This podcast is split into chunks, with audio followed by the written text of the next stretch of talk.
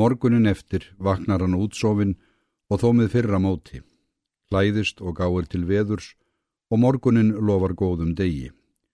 Jökullin hefur fjarlægst svo mjög að áfreskjumyndin frá því kvölduna áður hefur næstum máðst út. Laungunin í morgunkaffi segir til sín en hann verður að taka á þólinnmæðinni því fröken Geirþrúður hefur bóðist til að láta færa honum það upp í herbergið og svo vingjarlegum greiða var ekki hægt að neyta. Bíðin reynist ekki laung. Það er drepið létt á dyr og ung stúlka byrtist með kaffi á bakka. Býður hæverskslega góðan dag og býður hann að gjöra svo vel. Hann veitir henni enga sérstaka aðtikli fyrir nún er að hverfa út úr dyrunum og upp á baksvipin er ekkert að klaga. Kaffið er gott og meðlætið ekki skorið við nögl og þegar kortveggja er innbyrt er hann vel upplegaður. Ákveður að taka sér morgungöngu og kynnast umhverfinu. Loftið er dálítið svalt svo hann verður að ganga hratt til að halda á sér hita en það leiðir af sér ótímabæra mæði og lúa því það þarf nokkra leikni til að umgangast áfallalöst landslag sem hann hefur nánast aldrei lagt undir fætur fyrir á æfinni. Þegar heim kemur verða fáinir hótelgestir á vegi hans í andirinu, allt ókunnug andlit og hverstagsleg, sömið dapurlegum ráðleysisvip eins og þau séu ekki almennelega heima hjá sér. Hann kæri sig ekkert um að kynast þeim, gingar aðeins kolli átt til þeirra til að sínast kurteis. Þegar upp í herbergið kemur, sér hann að þar hefur verið tekið til af myndarskap meira segja fersk blóm í vasa á borðinu. Það er notalegt að láta líða úr sér eftir gönguna að það varst ekki neitt, hugsa ekki neitt. Þegar ringt er til hádegisverðar er matarlistin farin að segja til sín. Þegar neyri borðsalinn kemur, býður þar borð handa honum einum og hann blessar frökun gerþrúði í hljóði því honum hefur æfilega verið þvertum geð að sitja til borðs með ókunnugu fólki sem eftir vil er háð afbríðilegum borðsiðum. Maturinn er rjúfengur og þjónustan góð og til kvíld hefur ekki að ástæðuleysu getið sér góðan orðstýr. Mörg manneskjan sem hefur átt undir högga sækja í lífsbaráttunni telur sig jafnvel hafa gengið þar beint inn í endur nýjungu lífdagana eftir að önnur krosstri höfðu brugðist. Frökun Geirþrúður byrtist fljótlega í matsalnum.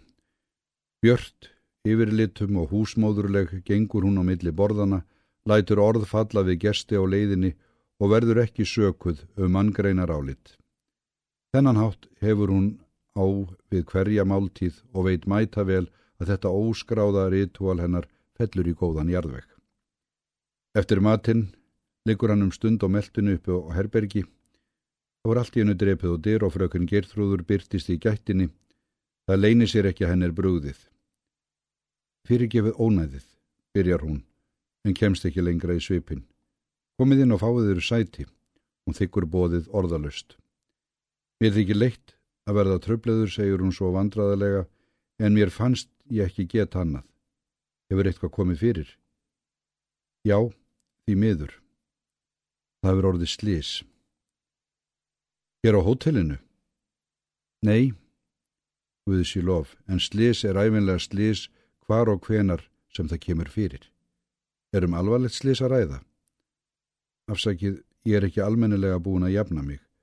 Var að frétta þetta rétt áðan. Það óg bíl út af veginum ekki langt hérðan sent í gerkvaldi. Bílstjóri var einn í bílnum og það er fullirtana við dáið samstundis. Vita með nafn bílstjórans? Já, ég held að ég muni það rétt að hann var kallaður Albert. Var á leiðinni hérðan til borgarinnar. Þetta sló mig strax illa því það getur varla verið um annað að ræða en bílstjóran sem ókeður hingað.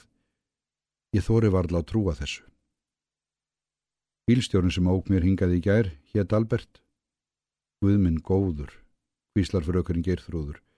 Já við að það rennur upp fyrir mér núna að hann leiti ekki út fyrir að vera venjulegur bílstjóri, afsakið forvitnina, var hann kannski vinur eðar eða eitthvað svoleiðis. Við höfum þekst lengi. Almáttugur, þetta hlýtur að vera skjelvelegt áfall fyrir yður. Ég, ég vottaður innilega samúð mína. Takkaður hluttekninguna, en segið mér eitt, var það tekið fram í fréttinni að um slís hafi verið að ræða. Auðvita var það slís, það sást til hans þegar hann óg út af í beigju á flegiferði niður í djúft gil, Þetta hafa menn upp úr því að aka ógætilega. Albert var æfinlega að flýta sér. Mér finnst þetta átakanlegt yðarvegna þér þekktu þann og svona slísfarir verða æfinlega svo sorglegar þegar maður þekkir eitthvað til. Ég er alveg eðilögð. Láti þetta ekki áöður fá, segir hann kæruleysislega eins og um meinlaust óhap hafi verið að ræða. Í svipun óska ég þess eins að fá að vera einn. Slís. Nei. Hafði ekki Albert sagt í gerðkvöldi Ég á enþá spölkorn í náttstað og fyrir fáum dögum hafði hann sagt kannski læti verða því að taka mér kvíld fljótlega. Var það þetta sem hann var að gefundur fótinn? Þeirri spurningu verður ekki svarað framar. Ekki heldur þeirri hvers vegna hann kausa stittar sér leiðin í eilíðina með svo dramatískum leikslókum. Tilgangslöst að raða upp getgátum og líkum því þær hljóta að stranda þegar í upphafi á ósættanlegum þversögnum. Svari kann þó að vera einfaldara og nærtækara en mann órar fyrir. En hvaða tilgangi þjónar það að leita það uppi úr því sem komið er? Stóra dæmið hans er endalega gengið upp þótt útkoman sé önnur en hann reiknaði með. Fjärstaða nefna sorgi þessu sambandi. Nei, það fellir engin tár við burt för Alberts af heimi. Samt veldur það innri tómleika að vita hann horfin svo hastarlega veg allra vega í eitt skipti fyrir öll því svo lengi er hann búin að skipa þar svo fyrirferða mikið rúm að upp í það skarð verður ekki hlaðið í skyndi og af handahófi. Nú er það þó gild ástæða til að seilast inn í skáp eftir flösku, hella í glas, drekka þau í botn og fylla það á ný. Það hefur æminlega verið örþrifar áðgegn leiðinda aðsóknum Auk þess á Albert það inni að skál hans í ærlega drukkin við leiðarlokk. Þegar áhrifin taka segja til sín fellur allt í ljúa löð um sinn eins og fyrir daginn. Tíminn hættir að vera til eins og kveikur sem er brunnin svo langt niður í stjakan að hann ber ekki ljós framar. En þessi dýrkjefta fró reynir skamvin eins og æfinlega og eftirkostin söm við sig. Frammi á baðinu horfist hann í augu við sjálfansi í speiklunum og það er ekki aðlaðandi sjón sem þar blasir við. Dökkir baugar um augu, svitadrópar á enni, strengdir andlistrættir. Hann kannast við þessa mynd og er laungu hættur að kippa sér upp við hana. Svo skrúar hann frá krananum og lætur kallt vatna renna í vaskin, dýfir andlitun í það mörgum sinnum og fljótlega verður allt í góðum vegi með að verða samt við sig. Þegar inn kemur má engum muna hann grípa aftur til flöskunar því hún stendur enn storkandi á borðinu. En í sömu svifum er drepið á dyr og ungarstúrkan sem kom með morgunkaffið byrtist í dyrunum og muldrar þar einhverja afsökun. Ekkert afsaka ungfrú. Ég kom til að vita hvort þér vildu láta færiður kvöldmatinn. Takkaður hugulsemina en ég er ekki svangur. Þér verðið að borða, segir hún ívið ákveðnari. Það veri móðgun við frökun gerðrúði að neyta mat svo honum snýst hugur. Gott og vel, færi mér eitt hvert snarl en hefði það ekki mikið. Stúlkan vindu sér út og innan skams er hún komin með mat á bakka. Gjöru þess svo vel. Þakkuður fyrir. Geti ég gert eitthvað fleira fyrir yður? Ekki bráðina, þakkuður fyrir. Stúlkan fer, en þótt hún standi ekki lengi við, gefst honum tími til að komast að þeirri nýðurstöðu að hún hefur til að bera glæsilegt útlitt sem kemur kunnulega fyrir augum. Eftir vil hefur hann séð hana áður, þótt ekki verði munað hvar og hvenar. Góður matur er margar að meina bót og þegar hún kemur aftur til að sækja leifarnar er hann næstum búin að ná sér á eðlilegt stryk. Hún fjarlægir þær framfyrir dyr, stríkur af borðinu, hagraðir smáhlutum hér og þar, lífgar upp kulnandi glóðina í arninum og bætir á hana nýjum viðarbútum. Hann virðir hana fyrir sér og kemst að þeirri nýðurstöðu að hafa aldrei séð hana fyrr en á þessum degi. Hugsanlegt að um skildleikasvip sé að ræða við aðra personu sem einhver tíman hefur orðið á vegi hans. En þegar hann er í þann vegin afgreða málið með þeirri skýringu rennur líkingin upp fyrir honum. Fyrirmyndina kannast hann við úr kvikmyndum og ómerkilegum blöðum og útlitskildleikin er auðsær þótt naumast geti verðu mættartengsla ræða. Andlitsdrættirnir rökva kannski ekki til, en augun, hárið og vakstarlægið bætar það upp. Hreyfingar líkamanns reka þó smiðsökið á stælinguna. Honu verður skemmt, en það væri gróast á móðgun að láta það uppi. Þessi stelpugæs má apa Birgitu Bardó upp fyrir haus, það er hennar engamál.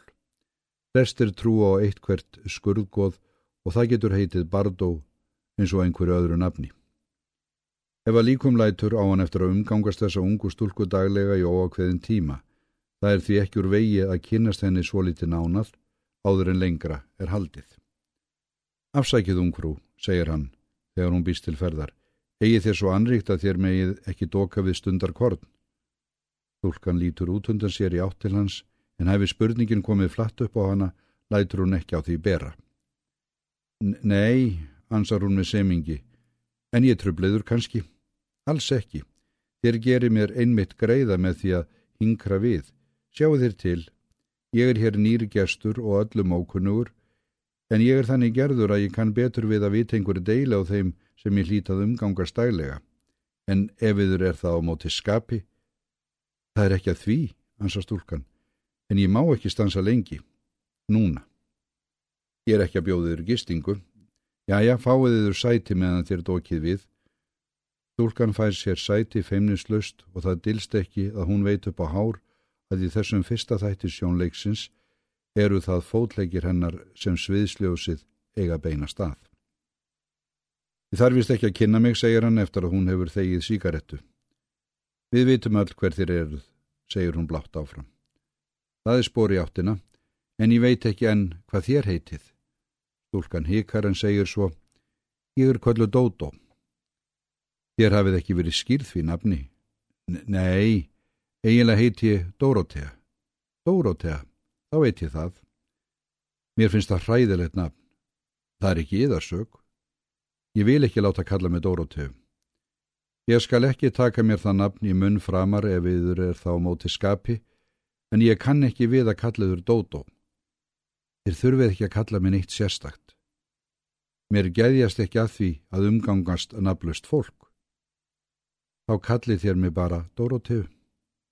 Aldrei, yður er þá móti skapi, við verðum að finna upp eitthvað annan nafn. Hvað segir þér um að ég kalliður Bardó? Stúlkan tekur viðbræði á stólnum og lítur snögt á hann galopnum sindrandi augum. Ah, þarna tóst að koma henni í opna skjöldu. En hún er ekki reið, ekki einu sinni móðguð, hún er heita fögnuði.